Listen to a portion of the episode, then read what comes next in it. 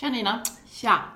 Du ser mycket lugn Du ser, vad fan ser du ut då? fan vad du ser ut Nina. Ja, men mitt inre skimrar av lugn och tillförsikt. Jag har så svårt för tja. Får inte jag säga det? Jo, det får du. Annars har vi landat nu på, får jag säga Nina? Ja, men nu är vi igång.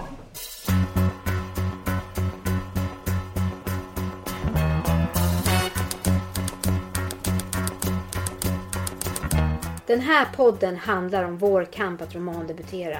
Om allt det där som är före det glammiga. Allt slit. Ångesten. Hur vi kämpar vidare genom regnet och refuser och fortsätter redigera, trots blodsmak i munnen. Vi pratar om hur man ska våga tro på sitt projekt och på sig själv, även när ingen annan gör det. Det är jag som är Nina De är. Och det är jag som är Johanna de Valiant. Och vi tänker debutera. Eller dö. Tumble out of bed and I stumble to the kitchen. Pour myself a cup of ambition and yawn and stretch and try to come to life. Jump in the shower and the blood starts pumping. Out on the streets, the traffic starts jumping with folks like me on the job from nine to five.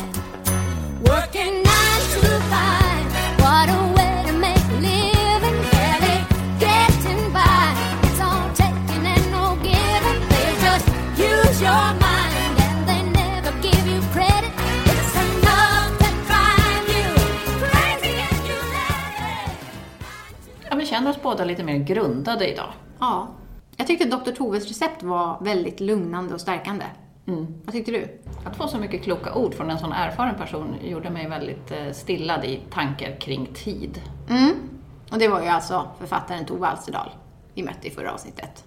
Lyssna på det om ni inte har gjort det. Gör, säger jag bara. Hon eh, gav oss ju ändå tillförsikt i att det måste ta tid. Eh, den här tanken att man alltid vill fram, fram, fram, fram, fram är ju så extremt kontraproduktiv när det som är det bästa för en text är att det, det får landa.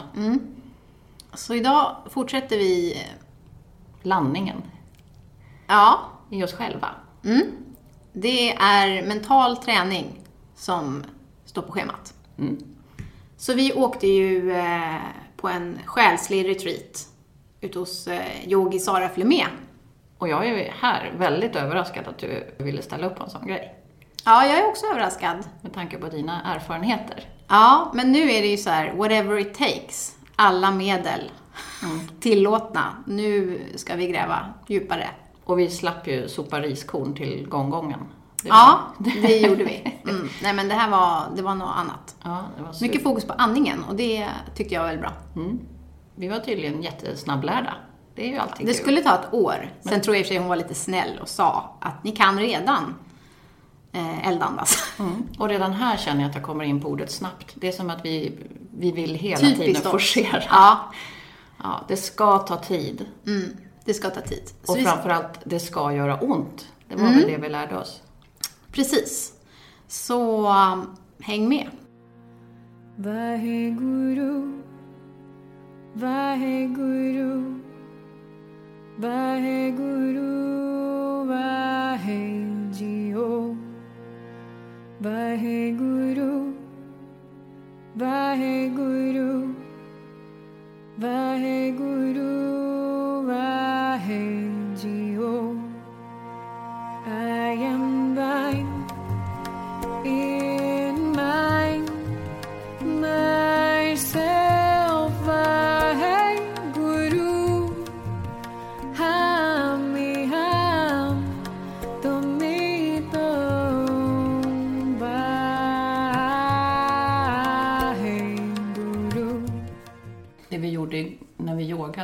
Att du säger att eh, man måste stå ut med smärtan för det är när vi kommer igenom den som det börjar hända saker.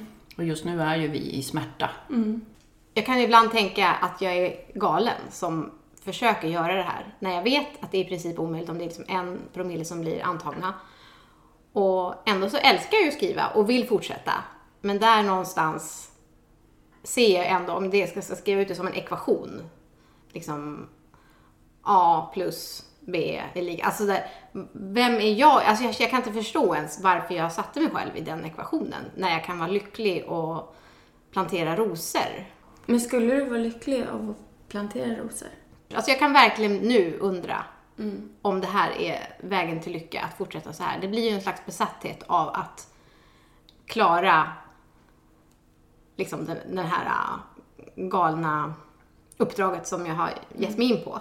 Alla har vi ångest, alla mår vi skit ibland. Och vi strävar hela tiden efter att ja, men vi måste komma upp dit igen. Vi, vi måste tillbaka till det där minnet när vi var lyckliga, när vi satt och skrev och var i flowet.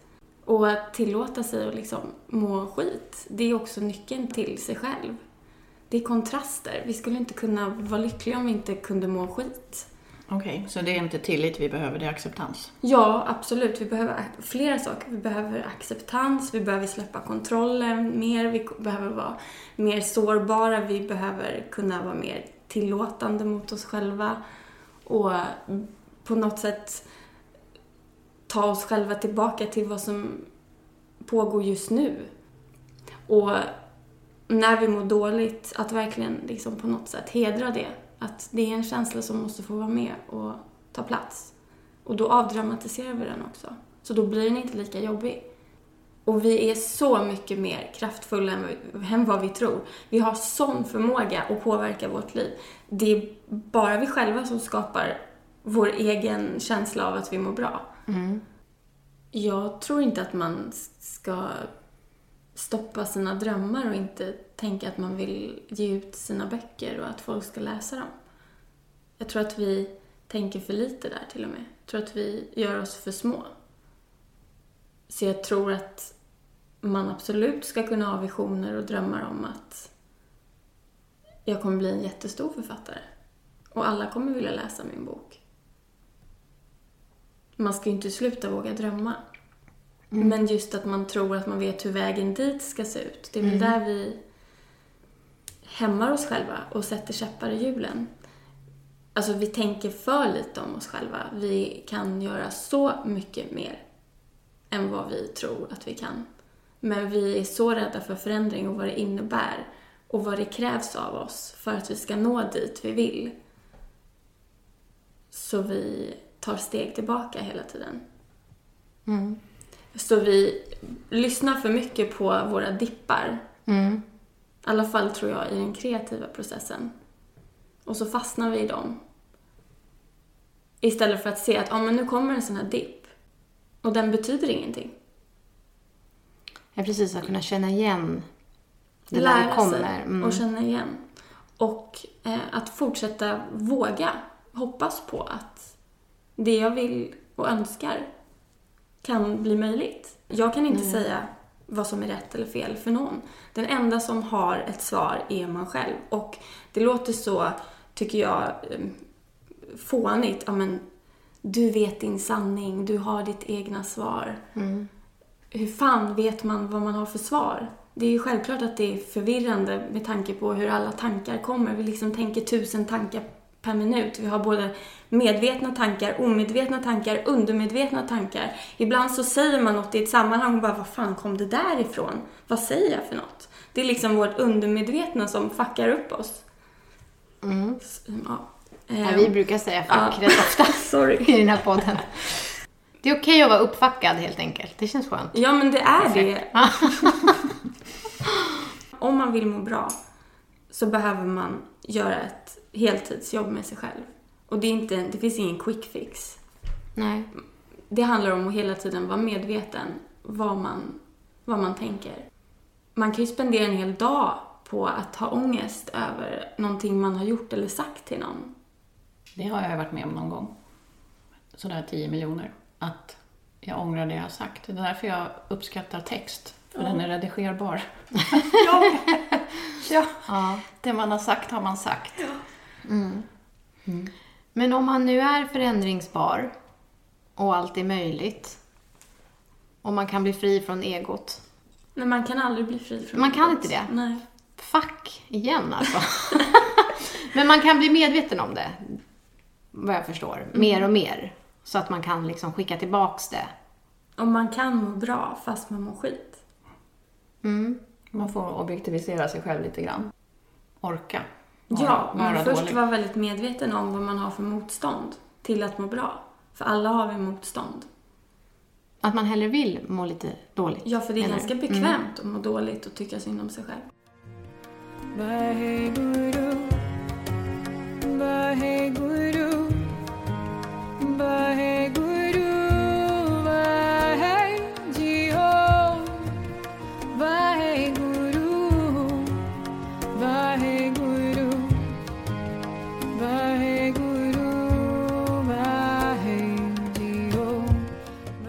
men jag är chockad över hur extremt ehm, skört och sårbart det var att ehm, gå igenom den här, ja, skicka in manus till förlag för tredje gången processen och då också ha, ha outat det lite grann och ha en podd som jag känner att vi gör också för terapeutiska syften. Det är precis vi pratar om nu, att prata om ehm, ja, hur man kan vrida och vända på det. Men jag kunde inte föreställa mig hur långt ner man kunde falla i ravinen. Det blir en upplevelse att vara missförstådd, även om jag förstår att i förlagsbranschen så är det mer som bara som en fabrik. Papper går in och papper går ut och så var det inget mer med det.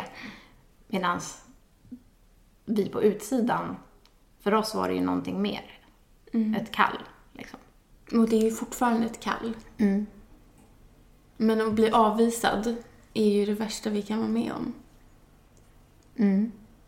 Precis, och det är väl där som jag verkligen, så här, jag har en, en djup så här, ifrågasättande ådra som jag inte har känt tidigare lika starkt. För att då har det varit mer, jag tar mig tillbaks till berättelsen. Men nu kan jag verkligen ifrågasätta hur eh, långt man kan gå, hur mycket man kan utsätta sig för u- utan att bli liksom skadad. För jag känner mig lite nu som ett så skadat Djur. djur. Den här utstötta som går ensam på savannen och ylar efter Ja, flocken. och speciellt för att det har varit så nära. Jag har känt att jag blev först inbjuden. Och Som då när, är man det... som när man var barn och man sa du kan följa med hem till mig idag. Mm. Vi träffas runt hörnet klockan tre och så när man kom där så var alla borta för då hade de dragit Ja. och man fick inte vara med. ja, jag känner nu, jag är på liksom lejonmat på savannen. Och det är utelämnande. Men om allt sitter i skallen och att det bara är min upplevda savann som jag sitter och målar upp, då måste jag ju verkligen kunna styra om mentalt. Tänka att jag är i en mysig liten kokong, precis där jag vill vara. Men vad Liksom hade du gjort saker. om du hade fått ett ja nu? Hur hade du mått?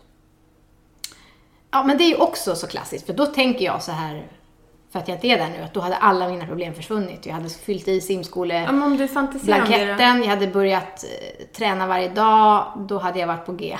Ja, s- men så hur hade du mått? Jag inbillar mig att jag hade kunde börja med återhämtning då.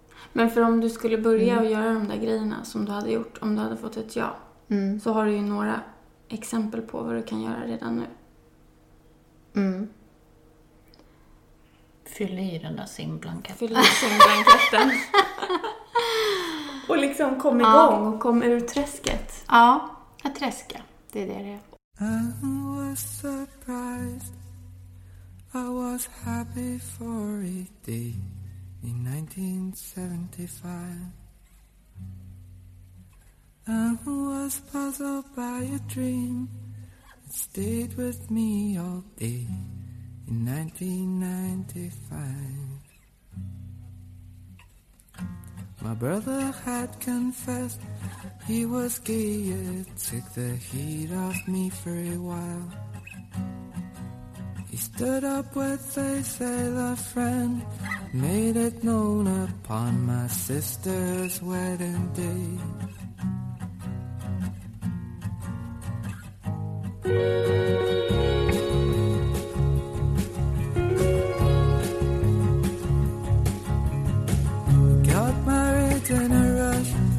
To save a kid from being deported. Now she's in love. Oh, oh, oh, I was so touched. I was moved to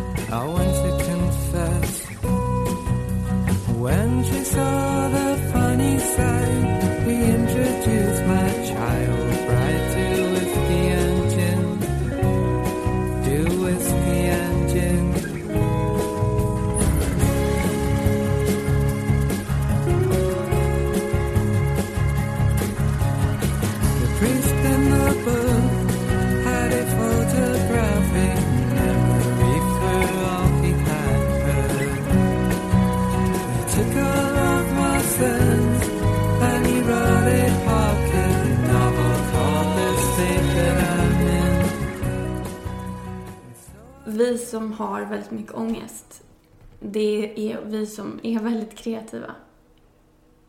Alltså är man väldigt analyserande, man är fantasifull, man är perfektionist och väldigt själv eh, iakttagande. Det är oftast personer som har väldigt mycket in, eh, kreativitet.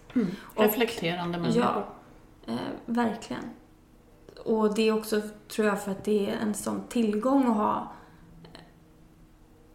har det här svarta mörkret i sig. Det är, någon, det är någonting fint. Det är någonting man ska ta hand om. Det är någonting man ska uppskatta. Men man ska inte fastna i det. Men man får inte vara för rädd för det. Jag hörde en intervju med Lars Winnerbäck. Han vägrade släppa sin melankoli för det, Ja. var, det var den han levde av. Det är nyckeln till, till allt, till oss själva. Jag känner innan vi slutar att om vi skulle kunna ha någon lite så här kort samtal om så här höstboost. Vi skulle kunna göra så mycket mer än vad vi tror att vi har tid till eller förmåga till eller kraft eller ork till. Så våga tro och ge inte upp och fortsätt trots dippar och ångest. Satsa. Skriv på nätterna, skriv i- på tunnelbanan, liksom ge inte upp. Det är det som är grejen. Go bananas. Det är Ja. som Ja, Doris i. Hitler Nemo. Fortsätt simma, fortsätt simma, Ja. fortsätt simma. ja, men det är det. Men jag här, Vad måste väljer du att... på simskolan fortsätta. Ja, men det är det. Alltså fortsätt trots allt kaos. Jag menar, någon gång måste vi ju sluta leva kvar i våra trauman. Någon gång måste vi bara ta tillbaks oss själva och bara, "Ah, men nu är det nu. Det där har hänt. Jag tänker inte leva om det om och om igen. Och tänk så här, så här snabbt kan man vända i tanken när man börjar tänka på ett annat sätt och fastna vid något annat. Om man bara kan få in en liten ljusglimt mitt i det där svarta. Så liksom tar ljuset över lite mer och mer och mer. Jag ska faktiskt också påminna mig om att jag gillar motstånd. Och Då måste jag ju omfamna det då. Och våga tro på att jag kan, för att jag har sjabblat ihop det så fruktansvärt. Det är bara ännu ett berg att bestiga. Men varför skulle inte du kunna? Du kan. Börja tänka om dig själv att ja, men jag klarar det här, jag tror på det. Fortsätt simma. Ja, fortsätt simma, fortsätt simma och visualisera och se och känn. Hur känns det om det skulle funka då? Och det är det inre jobbet som krävs. Dagligen. Och det har alla tid med.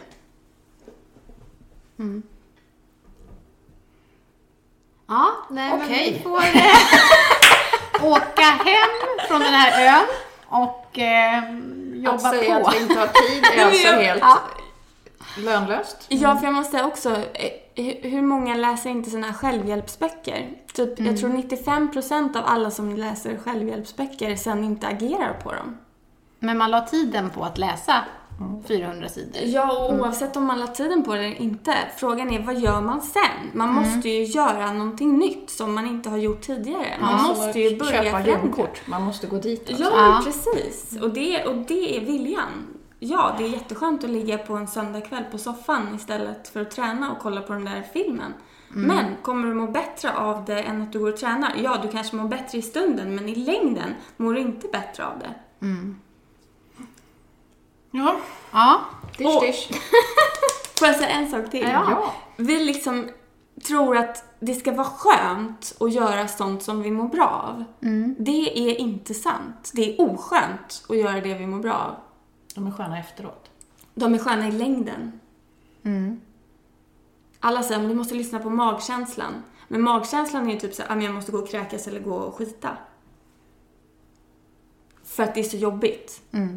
Det är så jobbigt att prata inför folk. Eller det är så jobbigt att ex, liksom exploatera sig. Det är så jobbigt att go out there och visa sin bok för några och, och vara så sårbar. Det är så jobbigt. Ja, men lyssnar man på magkänslan som bara skriker panik, panik, gör inte, gör inte. Nej, då gör man det ju inte. Och det är fel. Man ska göra det man är rädd för. Mm. För vad finns på andra sidan? Och så här, vi tror att vi inte ska ha några problem. Och det är vårt enda problem, att vi tror att vi inte ska inte ha några problem. Vi ska ha problem, vi ska växa, vi ska lära känna oss själva, vi ska fatta att vi, vi, vi har förmågan att läka oss själva helt och fullt. Man måste få ha sin egen smärta. Den är inte värre eller sämre eller lindrigare. Vi har alla smärta. Vi växer av smärta. Vi måste fortsätta genom smärtan. Gå igenom den. Gå igenom stressen. Stressen försvinner inte. Gå igenom den. Vi har fått en yogisk drill sergeant, hör du det? Vi har haft en militär, nu får vi den andra, the softer side. Snälla, snälla tack för att du tog dig tid med våra ömma, sårade, sargade själar. Gav dem lite bomull Ja. att vila sig mot. Guru, Guru,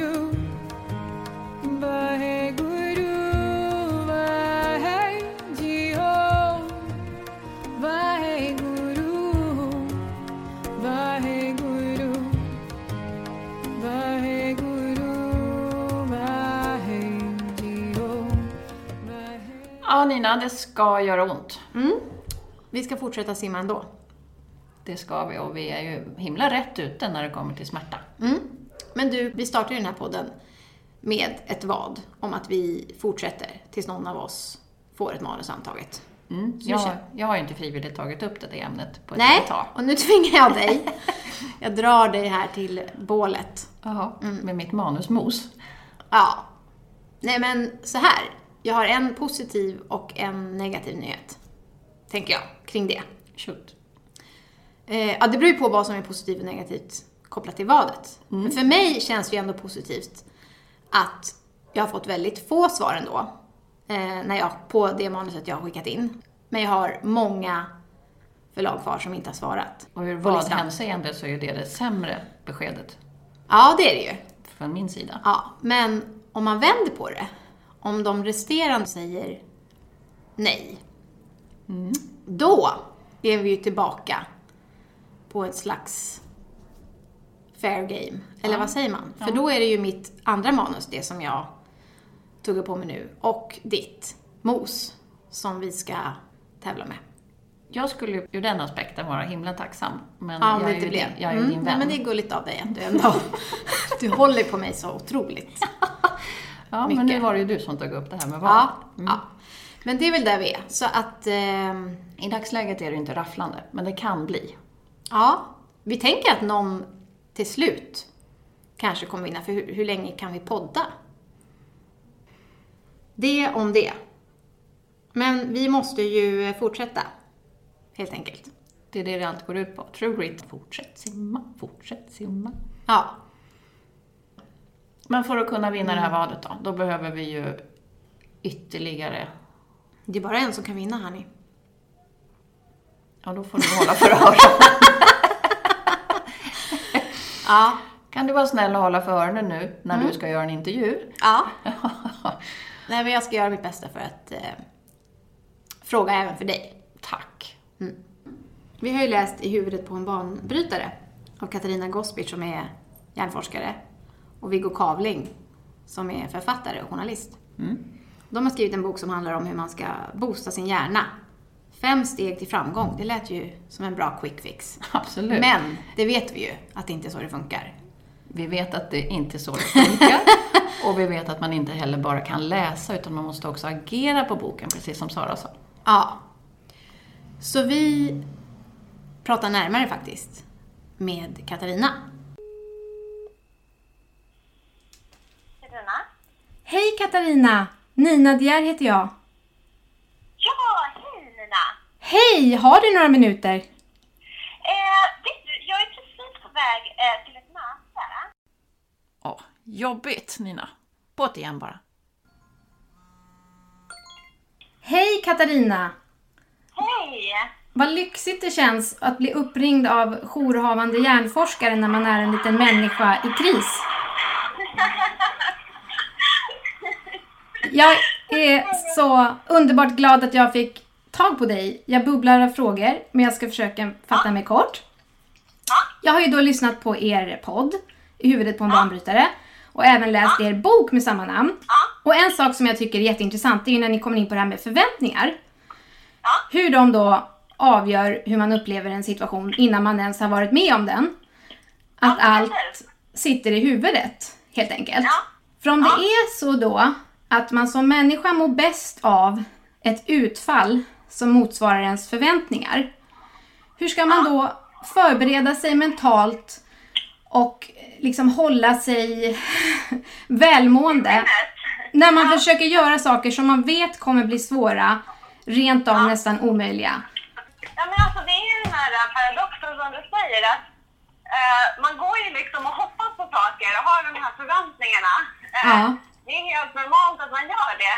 Och eh, det man mår bäst av det är egentligen de här positiva förväntningarna. Så att man säger att det finns en formel. Eh, vad förväntar du dig och vad erhåller du? Okej. Eh, och om de där matchar liksom perfekt, att du förväntar dig någonting, så får du det. Mm. Då blir du liksom, så att säga, lite glad såhär, ja men det gick som jag hade tänkt mig. Låt oss säga så här att du blir jättesugen på en Dime. Ja, Och så går du till ICA och så köper du en Dime. ja, Då har du ju liksom fått precis vad du förväntar dig. Däremot, om de har slut på Dime just den dagen, ah, då kommer ju du inte få den här belöningen som du har gått och väntat på. Eh, och det är då vi blir besvikna. okej. Eh, så att när den här formen då inte stämmer, det vill säga det du förväntade dig, och så får du liksom mindre än det du trodde att du skulle få, det är då man blir besviken. Medan om du får mer, låt oss säga att de har extra pris på Dime, och du får liksom två till priset av en, Mm. då är det en positiv överraskning och då blir du glad. Och det är då det här dopaminet börjar rinna i hjärnan och så känner vi att livet är helt fantastiskt. Det som triggar vårt belöningssystem som mest, det är när förväntan överträffas. Eh, och man får den där positiva överraskningen. Ja. Eh, och då är det ju det här man ska förhålla sig till eh, i vardagen. Jag är till exempel en person, jag har alltid gott om folk och förväntar mig liksom att alla är MVG. Ja, just det. Och det gör att jag blir besviken ibland. Mm. Eh, men för mig personligen så gillar jag det liksom för att jag vill ha de här positiva glasögonen. Mm. Och så som det har fungerat hittills i mitt liv så känner jag så här att jag mår bra av att ha den inställningen. Men sen kommer jag bränna mig några gånger. Ja. Det finns liksom lite med i beräkningen också. Att jag liksom tror på det bästa och Mm. jag är ganska säker på att det kommer vara så. Men ibland blir det fel. Men det känns liksom okej, för det mår jag bra av. Medan Viggo har den strategin att han har väldigt låga förväntningar istället. Mm. Eh, och eh, när då saker är bättre så får ju han den här positiva belöningssignalen och han Mm. mår bra av det. Hur ska man då förhålla sig i livet? Där tror jag att det liksom handlar om lite vad man är för person. Mm. Tycker man om att ha en positiv inställning och mår bra av det och liksom är medveten om att det finns liksom några nitar man kommer gå på, Ja. ja då är det en strategi. Däremot, om du alltid förväntar dig något som är jätte, jättebra Mm. och sen drabbas du av väldigt många nitar, liksom, du befinner dig i ett sådant sammanhang, Ja. eh, då kanske det inte är den bästa strategin. Då kanske Biggos strategi är mycket bättre. you. Don't let your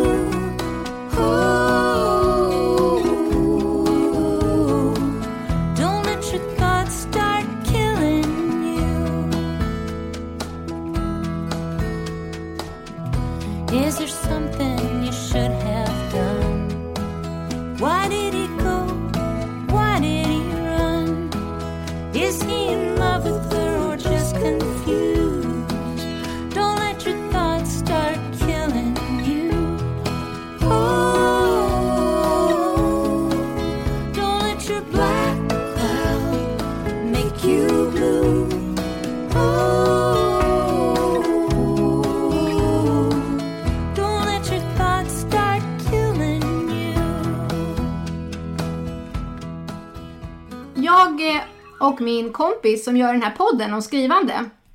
Jag skulle säga att vi har ganska olika grund, eh, grundkänslor. Och nu har det blivit så här för henne att hon har blivit så självkritisk på senaste i sina försök att bli författare. Att hon har enligt henne själv då förstört sitt manus. Eh, jag tror att hon innerst inne vet att hon har vad som krävs, men hon har blivit knäckt och modstulen av motgångar och besvikelse. Just det. Och då undrar jag, hur ska hon då jobba med sina förväntningar?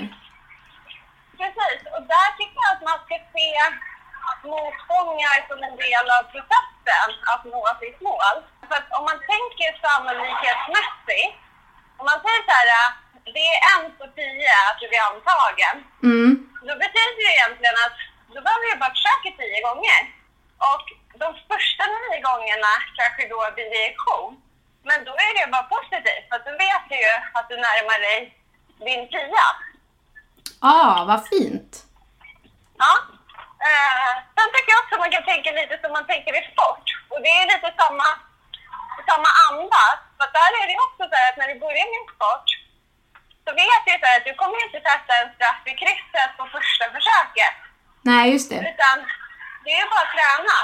Och inom sport så är det väldigt tydligt hur många gånger man misslyckas innan man faktiskt lyckas. Och om du tar en fotbollsträning så är det ju jättemånga som kommer missa jättemånga skott på mål. Mm, Eh, och det är bara att tänka en vanlig fotbollsmatch. mm, De flesta missar ju liksom. mm. Eh, men sen så blir det kanske 1-1 eller 3-1. Men det är ändå liksom fyra mål på 90 minuter. Ja, Av till och med de allra bästa. ja precis. Eh, så där är liksom det en del av processen. Ja. Man missar, missar, missar, missar, missar och så sätter man den. Och då får det liksom en fantastisk konsekvens. Så, Ja. wow, liksom. Ja, Eh, och då tycker jag man ska se det när man jobbar mot något som är svårt, tungt och jobbigt. Att det är inte en omedelbar belöning. Och jag tror också idag att det är ännu svårare, speciellt för de som är unga och har växt upp med mobiltelefonen. Att det är liksom en godisskål som ger oss en eh, omedelbar belöning hela tiden. just det. Ja, Eh, men att bli författare eller vad man nu vill bli kräver ju mer. Liksom. Mm. Du kan inte bara plocka upp mobiltelefonen och få så här, woho, 100 insta-likes. Liksom. nej, Eh, utan det är ju jättejobb. Liksom. Ja. För det första skriva en bok och sen hålla på med arbetet och försöka få in den och hela den processen. Så att där tror jag, apropå förväntningar, att man måste in, eh, ändra sin tidsinställning.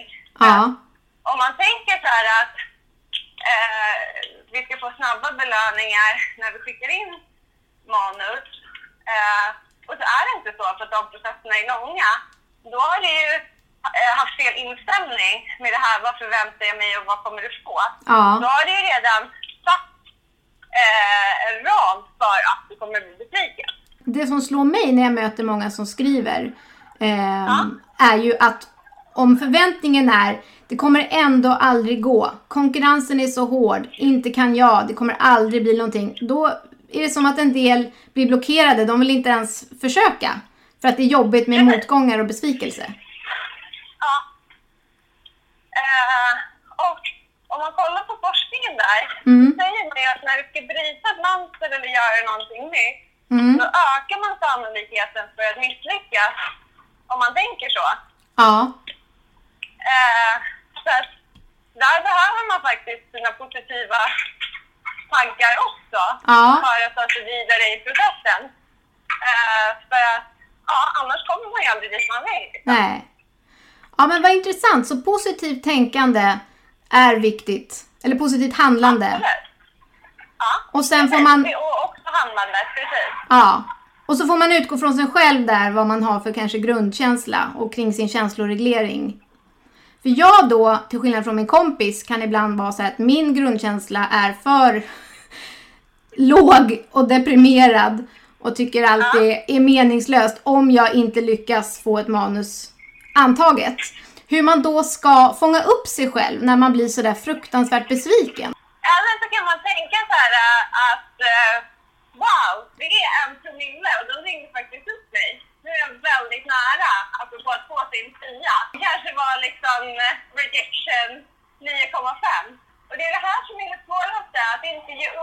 när man är så nära. Det är också så att om man kollar på framgång och om man kollar på entreprenörer och på de som faktiskt lyckas bygga någonting riktigt stort så är det ju det här med uthållighet. Jag brukar tänka på det som ett maraton. Just det. Att när man springer långt, då är det alltid sista kilometrarna som är de jobbigaste liksom. Och det är då man måste lära sig det här, men det är nu jag verkligen inte ska ge upp för att det är det som skiljer agnarna från vetet. Ta sig igenom smärtan helt enkelt. Ja, precis. Och livet är jobbigt liksom, apropå med, eh, hur många lever idag. Ja. Att när vi lever skyddat, allt är för bra, allting finns. Alla barn som har blivit curlade. Ja. Eh, Man har ju liksom inte upplevt det här. Men livet är ju inte så. Om det vore jättelätt, då skulle alla vara författare, alla skulle vara miljardärer, alla skulle vara framgångsrika entreprenörer. Ja. Men det är ju inte så. Jag tänker någonstans där att saker händer av ett syfte för att man ska lära sig någonting. Och fångar man upp den lärdomen så kommer man vara bättre till nästa gång. Ja, just det. Ja, men jag känner mig redan upplyft och jag känner mig modig. För det är någonting ni pratar om att ju mer man eh, vågar, desto modigare blir man. Och jag känner mig faktiskt lite modig som vågade kontakta dig, vågade ringa dig och fick det här samtalet. Vad roligt! Jag växte lite grann. Ja.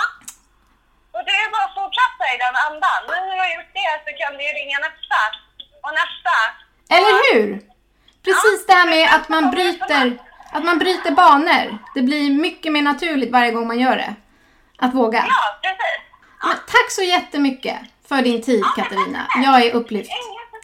Ah, Härligt. Jag blir jätteglad. Okej, Ja, tack så mycket. Hej hej!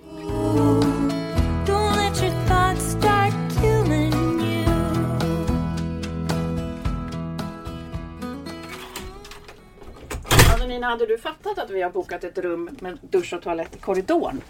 Nej, det var du som bokade. Vi är alltså på Bokmässan i Göteborg nu. Men vi bor inte på Gotia eller Park. Finns inte ens en spegel här inne? Det är spartanskt här i hamnen. Har du sett mitt hår? Jag behöver en fön. Du är Lejonkungen. Det är ditt signum. Nej men det blir ju en utmaning att hålla oss grundade och vara vaksamma på våra egon på en sån här plats. Jag känner redan att mitt ego har rusat iväg över halva stan när man är på de här minglen och går runt och säger ha så kul, hej då, när alla andra går upp på Vi övervåningen. får eskortera kändisarna bort till Park och Gotia och själva så fick vi ta en taxi till en hamn lång väga bort. Ja. Ja. Men jag tänker så här. Vi får se det här som en del i omladdningen nu. För att Debutera eller dö kommer faktiskt ändra form lite grann. Kommer en del två nu. Och då blir det ännu mer fokus på spännande gäster. Ännu mer bakom kulisserna. Och vad kan vi lära oss? Ja, av alla de som tagit sig igenom det här nålsögat som vi försöker penetrera. Ja, vi ska gräva djupare i det här. Ta oss djupare in i förlagsbranschen. Vi har pratat med Elisabeth Norebäck som gjorde en enorm raketkarriär med sin bok Säg att du är min. Det var budgivning och eh, svenska förlag slogs om henne och nu är hon såld till 28 länder Ja, 28. på första boken. Ja, och hon släpptes för här, två veckor sedan. Redan såld till 28 länder. Det är ju maffigt. Vi har också pratat med eh, Niklas Livy. Som eh, debuterat med eh, Nattviol. Och han också har en spännande bakgrund. För han jobbar som utgivningschef på Natur och kultur. Han var väldigt generös med tips. Ja. Så det kommer eh, Det kommer lite fram framöver. här. Mm. Stay tuned. Ja, Nina. Hur gör vi nu då? Ska vi bara släcka och gå och lägga oss och dra en täcke ut över huvudet eller? Ja, det känns som vi kanske måste jobba med andningen nu. Vad tror du om att eldandas? Ja, jag tror det blir bra. Rakt igenom smärtan bara. Ja, vi kör.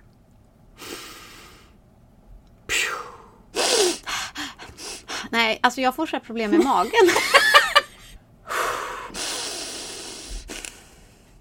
Akta du snor.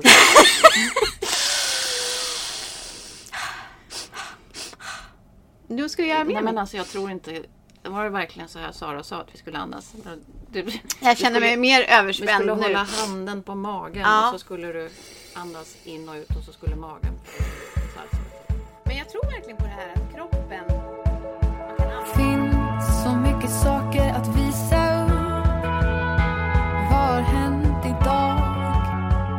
var du snygg och glad.